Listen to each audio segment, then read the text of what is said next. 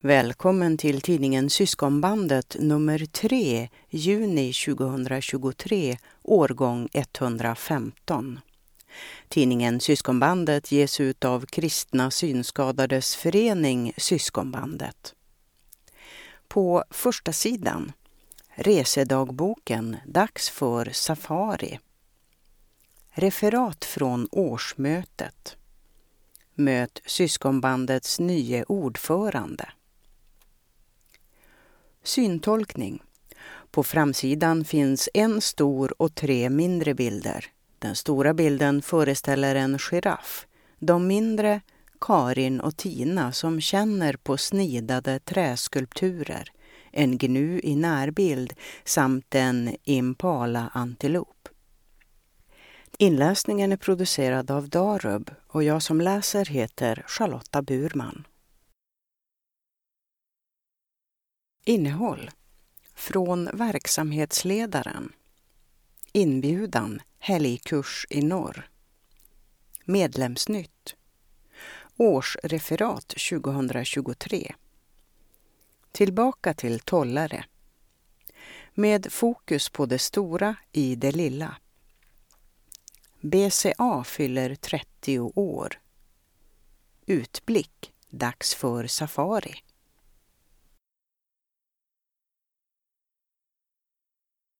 Från verksamhetsledaren.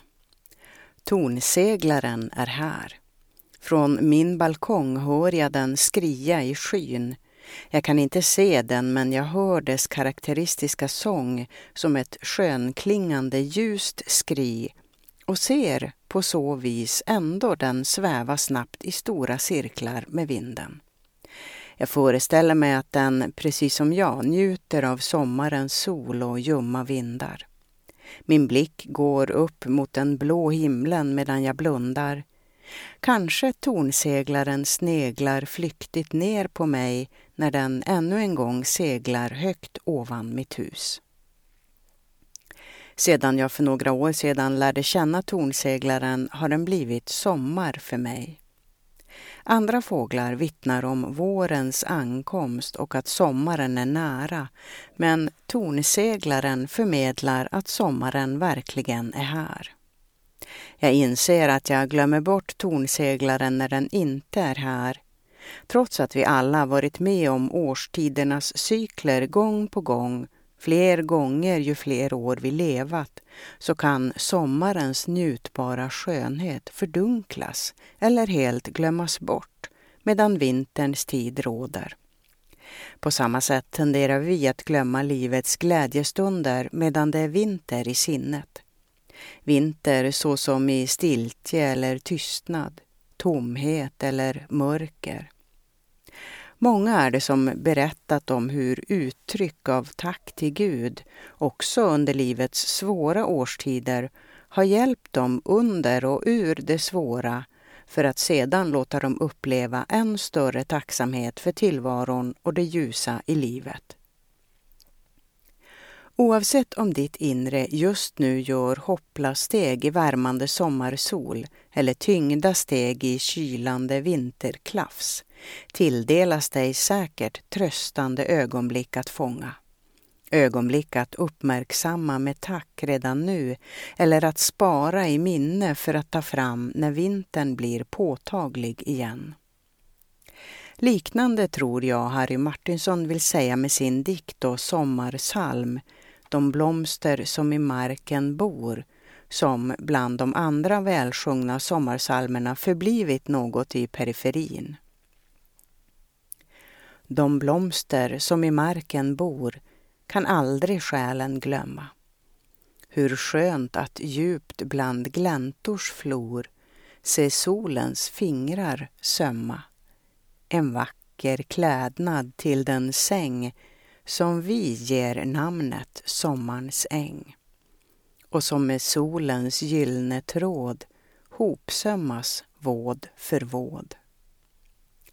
En sommarpsalm jag sjunga må i själens vinterdagar och låta tungsint tanke gå och mana sommarns hagar att träda fram till sinnets stöd i vinterns långa själanöd. Att djupt i minnet skåda Gud i evig sommarskrud. Psalm 202 Nu önskar jag dig en skön sommar och själv ska jag försöka fånga tornseglarens sommarskri i mitt minne, skriver Tina Strömberg. Syntolkning. En bild på en tornseglare som flyger över landskapet. Inbjudan hösthelg i norr. Syskonbandet bjuder in till kurs och gemenskapshelg den 6 till 8 oktober på Strömbäcks folkhögskola utanför Umeå. Denna helg kommer bjuda på lekfullhet och allvar med liv och död som röd tråd. För att verkligen leva behöver vi hålla oss aktiva i den utsträckning som är möjlig för oss. Många med synnedsättning känner sig begränsade i det avseendet. Genom övningar, verktyg, samtal och inspiration vill vi ändra på detta. Vi kommer att få använda kroppen, lära oss enkla övningar och även uttrycka sorg och glädje i sång och dramatisering. Samtal och reflektion blir det också om vad som händer i livet när någon dör. Vet du till exempel hur en kista brukar dekoreras och varför? Eller hur det vita arkivet fungerar? Ansvariga ledare denna helg kommer att vara diakon och bibliodramapedagog Ann-Kristin Folke och syskonbandets verksamhetsledare Tina Strömberg. Vi håller till på Strömbäcks folkhögskola som ligger där Umeälven möter havet, 1,8 mil söder om Umeå. Skolan är tillgänglighetsanpassad och ledarhundar är välkomna. Avslutning har vi i en kyrka i Umeå där vi kommer att fira gudstjänst. Tider. Start fredag den 6 oktober klockan 16 med incheckning och orientering på området. Avslut på söndag den 8 oktober klockan 14 i Umeå. Platsen är Strömbäcks folkhögskola med adress Strömbäck 360 905 82 Umeå. Gemensam resa med kollektivtrafik kan samordnas. Meddela hur du vill resa. Deltagaravgift 1 400 kronor för del i dubbelrum, 800 kronor i enkelrum. Detta subventionerade pris gäller betalande medlem och för dig som är med för första gången på arrangemang med syskonbandet. Alla får del av resesubvention på den del av resekostnaden som överstiger 500 kronor med max 700 kronor. Medlemmar har dessutom möjlighet att vid behov ansöka om enskilt bidrag. Sista anmälningsdagen vill vi ha din ansökan om enskilt bidrag. Anmälan senast den 4 september till e-postadressen tina syskonbandet.se eller på telefon 08 641 3095. Välkommen att också ta kontakt om du har frågor eller bara vill veta mer om denna helg. Medlemsnytt. Nya medlemmar välkomnas. Jenny Fällström, Djursholm och Gunilla Kohlman, Katrineholm. Till Fridens hem, Gun Prästberg, Järpen och Gunvor Chef i Stockholm.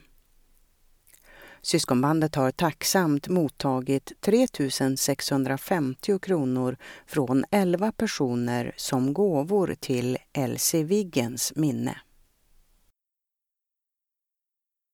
Årsmötesreferat 2023 Det här året ägde syskonbandets årsmöte rum lördagen den 29 april i Alvik i nordvästra Stockholm på Ekumeniska centret där föreningen nu har sitt kansli.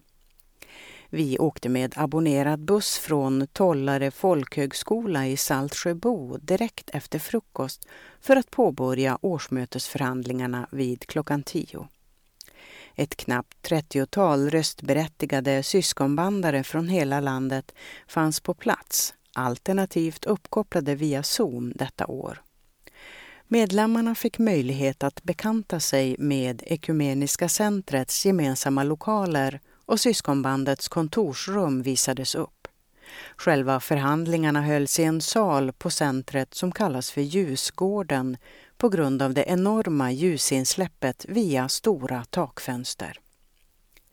Lars-Ove Arnesson inledde årsmötet med en andakt där han utgick från kommande söndags gammaltestamentliga text enligt kyrkoåret med temat Vägen till livet, nämligen Andra Mosebok kapitel 13, verserna 20 till 22. En stående punkt på föredragningslistan i många år har varit hälsningar till och från årsmötet. Så också detta år. Hälsningar framfördes via mejl eller telefon i förväg där man antingen hälsade från sig själv eller förmedlade hälsningen från någon annan. Flera av de närvarande bar också med sig hälsningar från medlemmar från olika ställen i landet. Årsmötet har också fått hälsningar från de personer och verksamheter som syskonbandet står nära och stöder i Kongo-Kinshasa, Etiopien och Tanzania. En medlem hälsade med Psaltarpsalm 139, verserna 1 18. Årsmötet beslöt att hälsa tillbaka med samma bibeltext. Anki Folke ledde parentationen assisterad av Patrik Jennerström med ljuständning och Erik Bondesson som ackompanjerade psalmen Blott en dag på flygel. De medlemmar vi fick tänka på som lämnat detta jordeliv var Eva Sundén, Västra Frölunda, Britt-Marie Bergström, Nacka, Lilian Arheden, Söderhamn, Monica Neuerlöv, Hässelby. Och Elsie Viggen, Stockholm. Under årsmötet nämndes också de nya medlemmarna som kommit in i föreningen efter förra årsmötet. Hillevi Bergvall, Uppsala, Marianne Schill Reinsnäs, Norge, Gerd Andersson, Gottsunda, Rickard Spele, Stockholm, Sigbritt Jansson, Göteborg och Jenny Fällström, Djursholm. Britta Eskils Jansen, Sundbyberg. Karin Widman, Boliden. Sammanlagt åtta personer, sex röstberättigade och två stödjande. Styrelsen beviljades ansvarsfrihet av årsmötet och vi i styrelsen tackar för förtroendet. Vid valberedningens redovisning av inkomna poströster utföll resultatet som följer. Mikael Liljekvist 22 röster. Tesfaye Deriba 19 röster. Mackan Andersson 16 röster. Ulf Bengtsson 12 röster. Måns Högström 10 röster. Detta innebär att Mikael och Tesfaye blir ordinarie ledamöter på två år. Anki Folke, Sture Lyreskog och Pontus Nyman kvarstår på ett år. Mackan blir förste ersättare och Ulf andre ersättare. Valberedningen hade två förslag till föreningens ordförande, Anki Folke och Mikael Liljekvist. Båda var tillfrågade och har meddelat att de ställde upp. Årsmötet valde att genomföra sluten omröstning där omröstningen resulterade i att Mikael Liljekvist blir syskonbandets nya ordförande. Den punkt på dagordningen som det blev mest diskussion kring var det stadgeändringsförslag som tidigare presenterats. Årsmötet kunde inte komma fram till konsensus varför det blev acklamation ifall stadgeändringarna skulle antas. Röstresultatet blev 14 ja-röster och 8 nej-röster. Styrelsen fick i uppdrag att fortsätta arbeta med stadgefrågan. Mot slutet av sammankomsten avtackades tidigare ordförande Lars-Ove Arnesson av Ann-Kristin Folke med en chokladask och ett tack för samarbetet den tid som varit. Under dagens lopp fick de närvarande bekanta sig med föreningens ekonomihandläggare Patrik Jennerström som anlitades tidigare i år. Kort efter mötets avslutande styrde gruppen färden tillbaka till Tollare där middag väntade. Syntolkning, en gruppbild med alla deltagarna på årsmötet. Tillbaka till Tollare. Många med mig blev glada av beskedet att årets årsmötesdagar skulle hållas på Tollare folkhögskola utanför Nacka. Sex gånger tidigare har vi varit där och uppskattat maten, servicen och den natursköna miljön. Tollare förknippas av många med sommarvärme, men i år var det lite svalare med både sol och regn. Fast vad gör det när gemenskapen är så god? Ett trettiotal deltagare i åldrarna 8 till 80 deltog. De som reste till Tanzania i höstas hade ett dygn för sig själva innan övriga deltagare anslöt. Våra årsmötesdagar har som regel ett genomgående tema. I år var temat Till jordens yttersta gräns. Det bjöds på flera internationella inslag i form av quiz runt jorden och besök från Svenska missionsrådet samt upplevelser från Tanzaniaresan. Jag spelade givetvis på mitt tumpiano, en så kallad kalimba, som jag köpte på en marknad i Arusha. Den och flera andra saker kunde deltagarna både känna och titta på under helgen. Det spelades även upp ljudklipp från resan.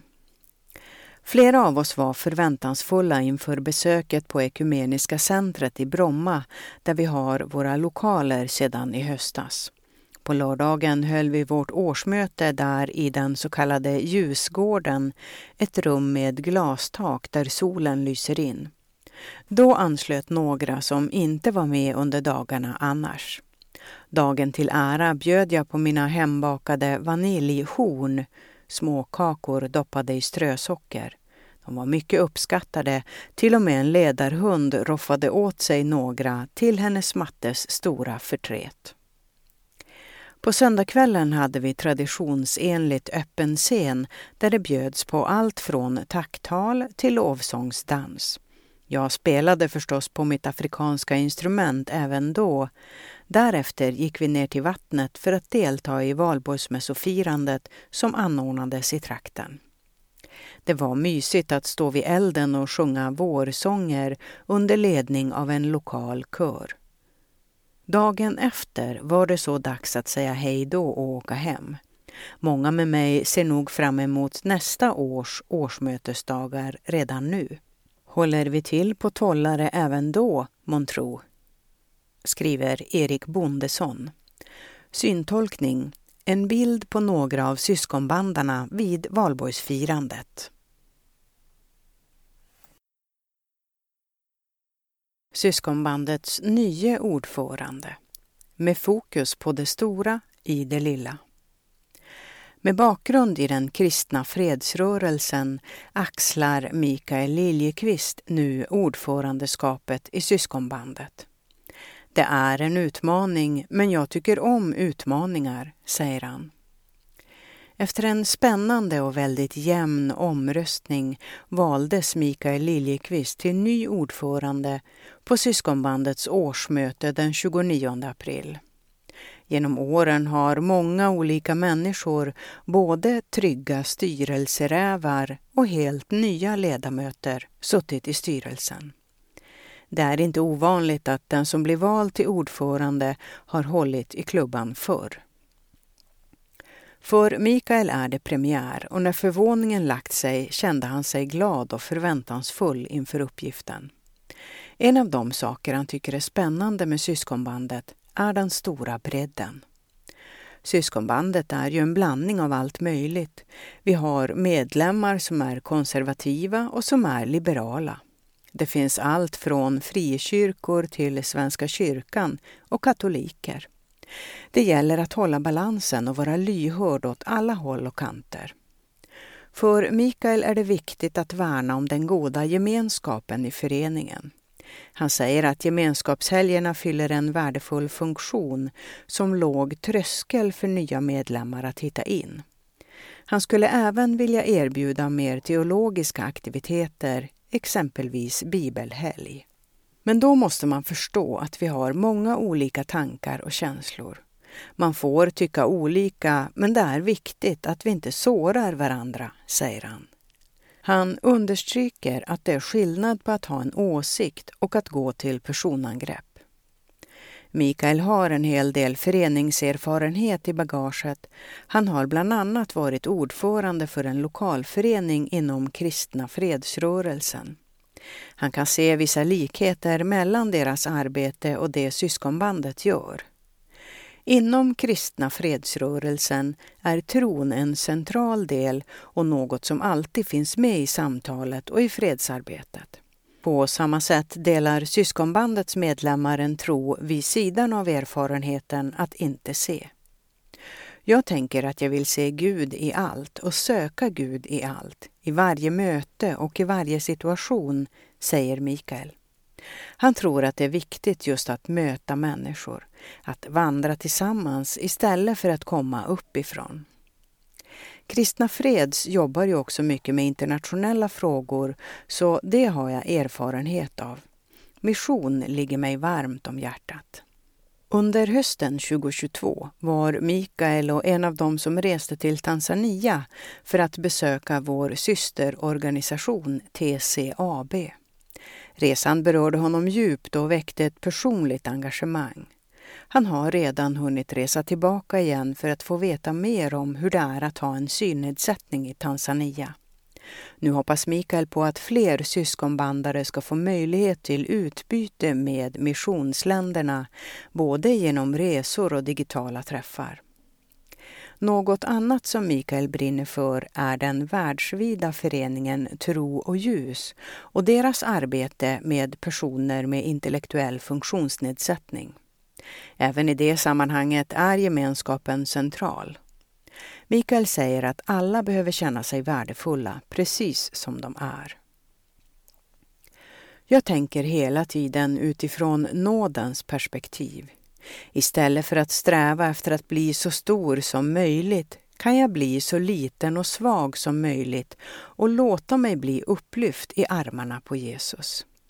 En av Mikaels förebilder är helgonet Therese av Jesusbarnet. Jag citerar ofta henne. Vi ska inte sträva efter att göra det stora utan istället göra det lilla och oansenliga fast med mycket stor kärlek. Jag tycker det är så klockrent. Det kan vi alla göra oavsett funktionalitet. Skriver Isabelle Ulfsdotter. BCA fyller 30 år. BCA är syskonbandets systerförening i Etiopien. Genom Tesfaye Deriba har vi fått vara med från dess start. Nu i augusti är det 30 år sedan föreningen bildades och detta firas med jubileumskonferens den 17–20 augusti.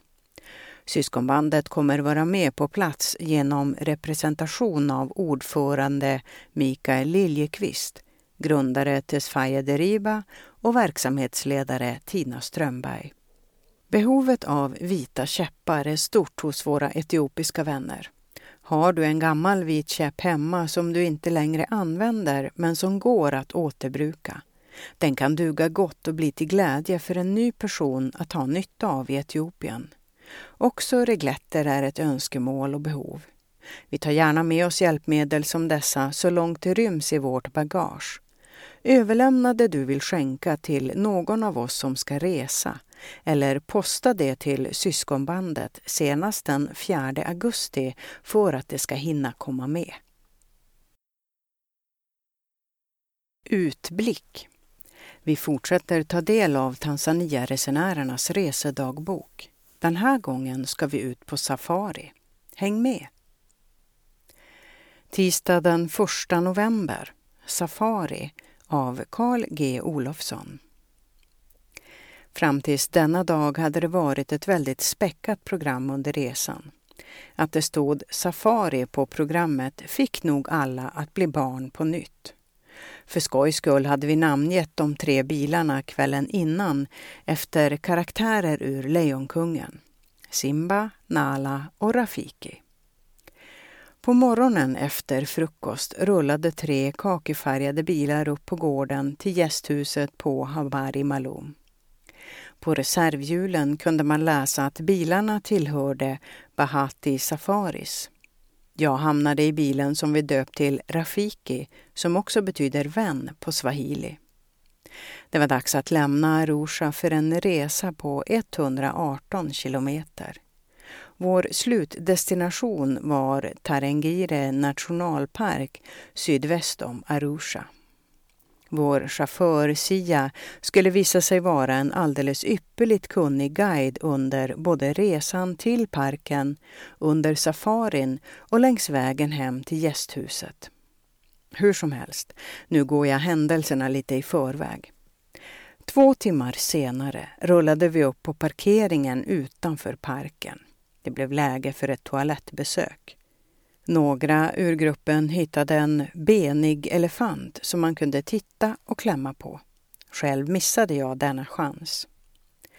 När vi kom tillbaka till jeeparna hade man rest mittsektionen i taket så att man kunde stå upp och kika ut, men framför allt få känna lukterna och höra alla ljuden.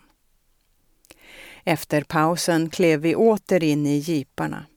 När dieselmotorn rumlade igång vågar jag påstå att spänningsnivåerna i oss alla steg med flera hundra procent. Chauffören körde nu fram till ingången till parken. Tre vakter tog emot oss, papper överlämnades, godkändes och så kunde vi passera.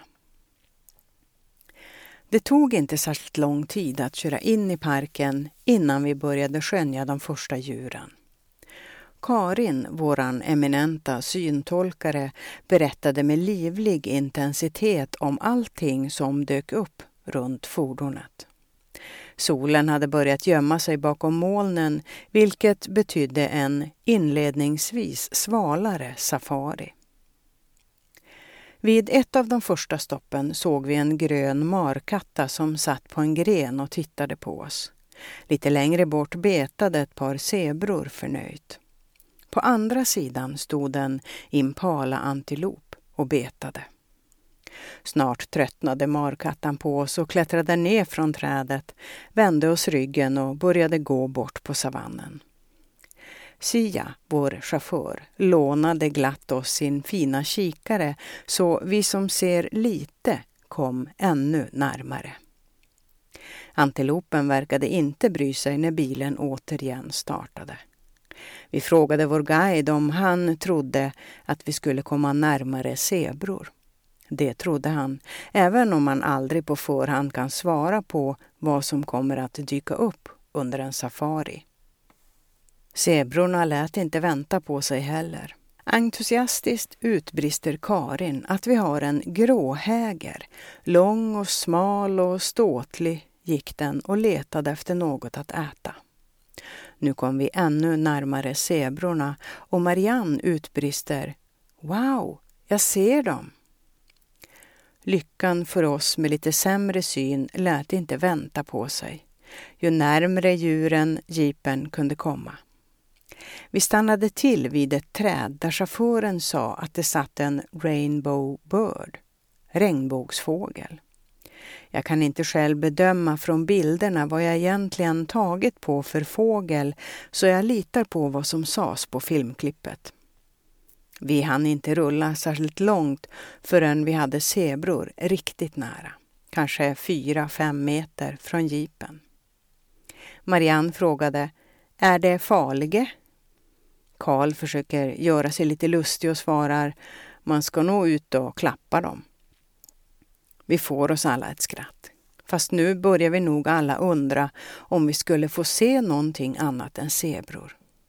När ett baobabträd, apbrödträd, tornade upp sig berättade han att det är savannens vattenreservoar.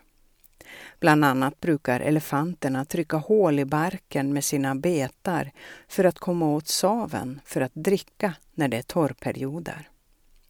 Människor tar också del av saven. Man kan göra rep av barken och även holka ur en stam och göra en båt av den. Trädet är väldigt mjukt. Trädet kan bli bortåt 20 meter högt och ha samma omkrets på stammen. Försök att krama ett baobabträd så är du inte dålig.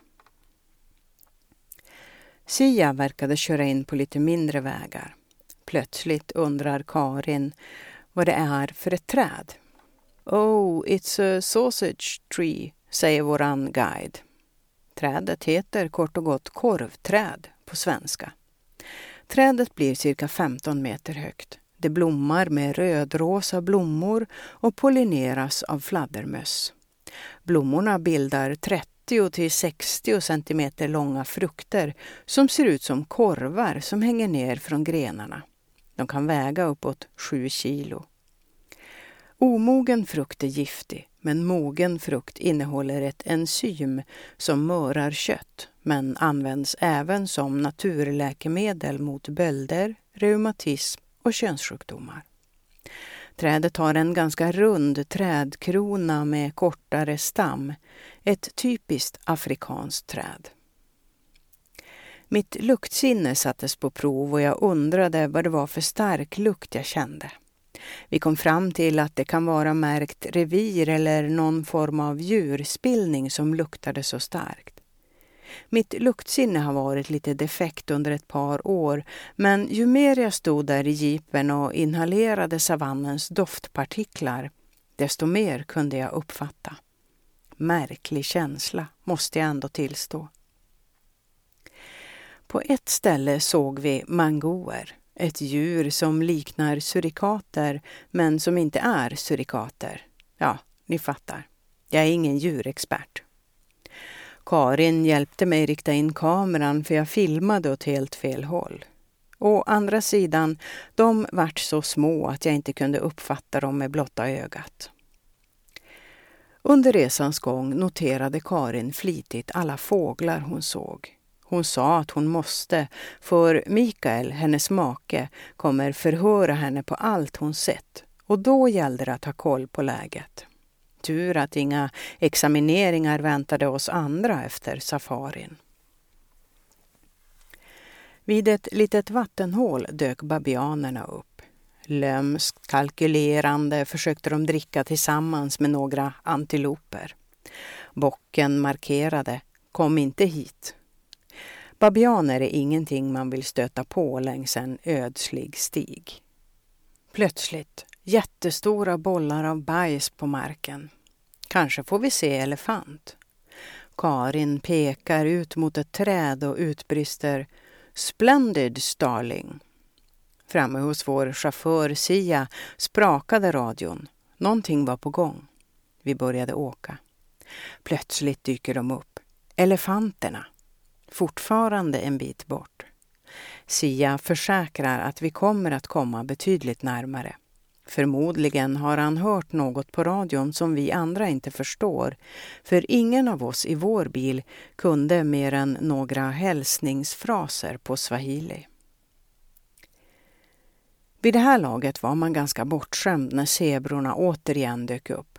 Även om de kom riktigt nära, kanske två, tre meter, så var vi redan inställda på att få se elefanter. Mycket riktigt, en jord med sex elefanter stod ganska nära jeepen. Själv myste jag entusiastiskt och utbrast för mig själv. Den äter. Den häftigt. Det är i alla fall vad jag säger på filmklippet. Några antiloper stod under ett träd och åt, men det var ingenting mot vad vi härnäst skulle få se. På avstånd såg vi en giraff, ståtligt, vacker, något så in i bomben. Och så dök det upp ett gäng med gnuer. Man var så full av intryck att det stundtals var riktigt svårt. Detta var något helt annat än Kolmårdens djurpark. Även om jag har varit i före detta Zaire, numera DR Kongo, 1992 där jag bland annat upplevde safari och besök hos bergsgorillorna, så var jag ändå helt betagen av Tarengire nationalpark. För någonstans kände jag på mig att det bästa ännu inte varit. Gnuer, elefanter, zebror flashade förbi. På avstånd beundrade vi kort en Thomsons gasell. Någonstans längs turen passerade vi även en gepard, men den var ganska långt borta och jag kan inte ens säga vilken bild som skulle föreställa den. Klockan tickade mot lunchdags. Vi stannade till vid en höjd med utsikt mot parken. Någon påpekade att vi inte skulle mata markattorna eller aporna. Marianne ville först inte lämna bilen då hon kände sig osäker kring de opålitliga markattorna. Vi övertygade henne att snart skulle solen komma fram och bilen skulle bli stekhet att sitta kvar i. Vi lyckades övertyga att ingenting skulle hända henne. Motvilligt gav hon med sig och vi lämnade jeeparna på parkeringen. Vi mötte upp de andra i gruppen, hittade ett bord och satte oss för att få våra matlådor utdelade. Vi fick alla en kartong med en ganska väl tilltagen måltid. Chapati, en väldigt god kycklingsallad med ris till och en drös med tillbehör. Jag satt på Lenas vänstra sida vid kortändan av bordet. Jag tyckte plötsligt att något petade på min armbåge men gav det inte någon större notis. Sen tyckte jag plötsligt något svischade förbi. Han tog min pannkaka, hojtade Lena som just blev bestulen på sitt chapatai-pannkaka. En av chaufförerna tog fram sin slangbälla och började sikta lite på markattorna. Jag minns inte om han sköt på någon eller bara markerade. Själv var jag omsvärmad av ett par förhoppningsfulla fåglar som väntade på att jag skulle tappa någonting från min matlåda. Några av oss gick ner till utkiksplatsen för att titta ut mot savannen. Det var mest markattorna som satt där och kivade som bästa uppsikten på oss turister. Jag blev vittne till hur en markatta fräckt snodde åt sig mat från en annan turist. Mannen som schasade iväg markattan och gjorde ett litet hotfullt utfall mot den. Markattan lät inte vänta på sig utan gjorde likadant. Jag tror turisten kände sig lite dum när jag skrattade åt hans och markattans gnabb. En av markattorna hade en unge som hängde på magen fast vi konstaterade att den inte såg riktigt frisk ut.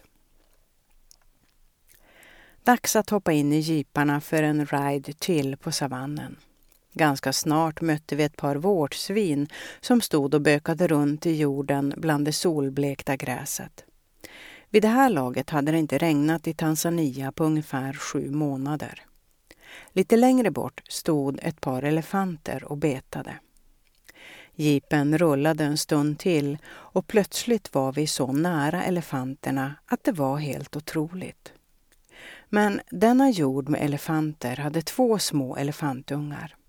Enligt Sia var de runt en månad gamla. En elefant är dräktig i 22 månader. Att få se två elefantungar på samma gång var ovanligt. Vi alla tystnade och började prata lågmält med varandra. Det var något helt magiskt när man hörde en av elefantungarna gå med sin mamma bara några meter från bilen. Höra hur gräset trycktes ner under deras trampdynor. Sias radio bröt tystnaden emellanåt. Bilen började röra på sig.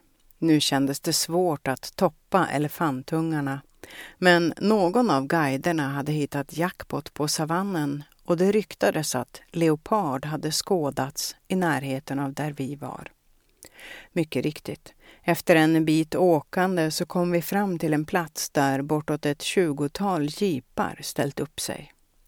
Där på en gren i ett träd låg leoparden, kanske ett tjugotal meter bort. Med hjälp av antingen zoomen på kameran eller kikare kunde man iaktta den smått mätta leoparden. I flera omgångar försökte Sia ta oss närmare och närmare skådespelet. Leoparden hade gömt en antilop uppe i trädet men det syntes att djuret hade fallit offer för leopardens aptit. När jag zoomade in leoparden med kameran var det som om raggen reste sig längs ryggen. Efter en stund tyckte nog leoparden att det blev lite för jobbigt med all uppståndelse så den började klättra högre upp i trädet för att gömma sig bland lövverket. Jag fotade som en tok och för en stund så kändes det som om tiden nästan stod stilla. Vi rullade vidare och plötsligt hojtade någon om att de sett lejon. Ja, mycket riktigt. Ganska långt bort i ett träd så låg det en lejonhona på en gren och gottade sig i skuggan. Det tog en stund innan jag lyckades zooma in henne, men där var hon. Jag vet inte om lejon klättrar i träd särskilt ofta. Inte långt därefter så stötte vi på ett giraffpar, en hona och en hane som gick bredvid varandra. Deras mål var en större vattensamling. Den ena giraffen särade på frambenen åt sidorna för att komma ner till vattnet. När giraffer är i denna position blir de väldigt sårbara för rovdjur. Hela tiden på sin vakt. Vid ett tillfälle åkte den långa halsen upp med sådan fart att man fick känslan av hur man måste vara på helspänn som giraff. Jag tror att det var mestadels nätgiraff vi fick se och uppleva. Otroligt att de kan bli upp till fem och en halv meter höga. Vi mötte en ensam elefanthane. De kan bli lite sura när de får påträngande besök, men denna verkade ta dagen med ro. Fladdrade med öronen för att lufta sig i solvärmen. Här någonstans började safarin gå mot sitt slut. Det var dags att bege sig mot souvenirbutiken på väg dit fick ordet skakig väg en annan betydelse då Sia körde på rejält. Själv ämnade jag att inte handla någonting då pengarna var slut sedan jag shoppat loss på Masai-marknaden. Jag fick hålla mig med att titta på när andra gjorde slut på sina slantar. På väg hem hann det bli mörkt innan vi var tillbaka på Habari Malum. Väl på plats blev det middag eller kvällsmat beroende på hur man ser på saken. Vi var alla överväldigade av dagens äventyr, men också väldigt trötta. Efter förtäring blev det kvällssamling, därefter välbehövlig sömn. Syntolkning i artikeln finns först en bild på Tina och Karin som står upp genom taket på en av safaribilarna. Sedan följer bilder på elefanter, gruppen när de äter lunch, en leopard, en zebra och sist en till leopard. Redaktionsruta Syskonbandet, medlemstidning för Kristna Synskadades Förening, Syskonbandet. Tidningen ges ut på punktskrift, svartskrift, CD och på e-post. Tidningen finns också på vår hemsida www.syskonbandet.se medlemstidning. Adressen är Syskonbandet, box 14038, postnummer 16714, Bromma. Besöksadressen Ekumeniska centret, Gustavslundsvägen 18, plan 2 i Bromma. Telefonnummer kansli 08 641 3045 eller 08 641 3095.